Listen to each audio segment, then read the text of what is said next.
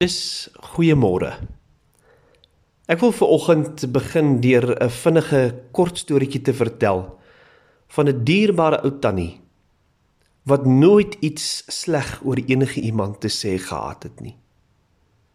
Wanneer 'n mens haar opinie vra oor iemand of iets, was dit altyd positief. Nooit het daar 'n negatiewe woord oor haar mond gekom nie. Sy het altyd die beste en die mooi in iemand anders gesoek en daaroor gepraat.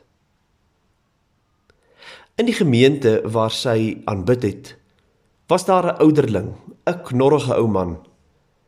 En hy kon later die tannie se goedheid en al die positiewe woorde wat sy oor alles en almal het, nie meer verduur nie.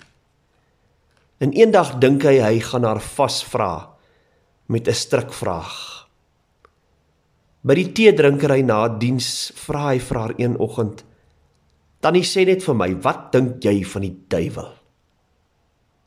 En die tannie het 'n slukkie van haar tee gevat, so bietjie in die verte ingetuur en toe antwoord sy hom as volg: "Wel, een ding kan ek jou sê. Hy het beslis nie 'n lei haar op sy kop nie."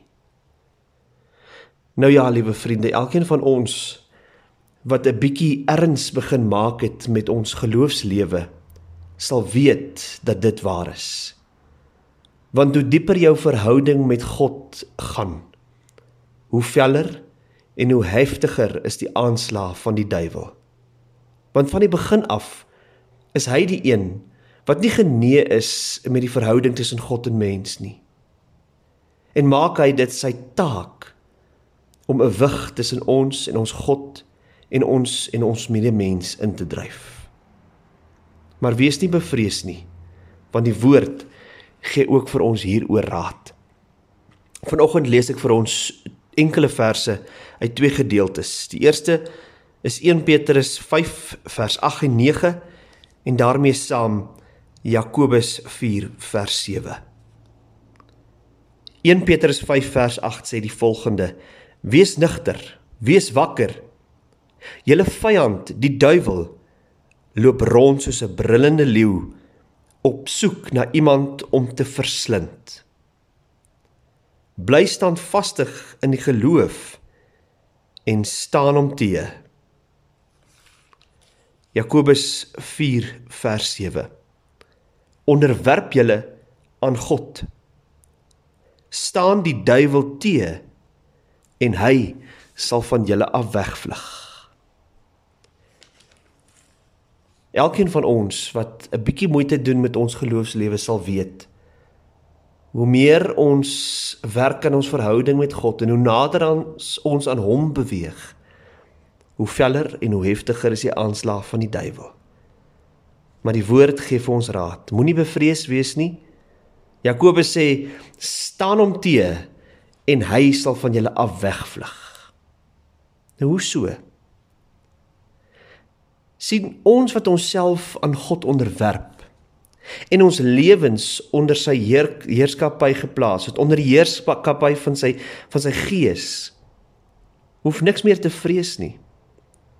Ons stryd is nie teen vlees en bloed nie sê Paulus in Efesiërs 6 wanneer hy praat oor die wapenrusting. En daarom kan ons nie die stryd in vlees en bloed aansê nie.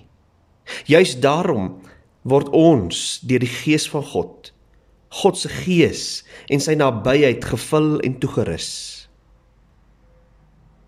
Ja, die duiwel het nie 'n lei haar op sy kop nie. Soos 'n honger brullende leeu loop hy rond op soek na iemand om te verslind. Op soek na iemand wat net eendag in swakheid en twyfel verkeer. Maar wees nie bevrees nie. Staan hom teë. Bly standvastig in die geloof. Onderwerp jou aan God, staan die duiwel te. En dan sê Jakobus vir ons, hy sal van jou af wegvlug. Gaan die week in met die wete. Ek kan die duiwel en elke aanslag afweer deur Christus Jesus, my Here en deur die Gees van God wat in my woon. Kom ons bid saam. Here ons Here, Baie dankie dat ons hierdie week in U naam kan begin. My gebed, Here, is dat U elkeen wat ver oggend na hierdie boodskap luister, dat U vir hulle sal seën in die week wat voorlê. Mag hulle U teenwoordigheid en U nabyheid ervaar. En in oomblikke wanneer hulle in twyfel verkeer, oomblikke van swakheid beleef, is my gebed dat U vir hulle krag sal gee deur U Gees wat in hulle woon. Rus hulle toe, maak hulle sterk. Want ons vyand, so weet ons, loop rond soos 'n brullende leeu op soek na iemand om te verslind. Soos die ou tannie gesê het, weet ons, hy het nie 'n lui haar op sy kop nie.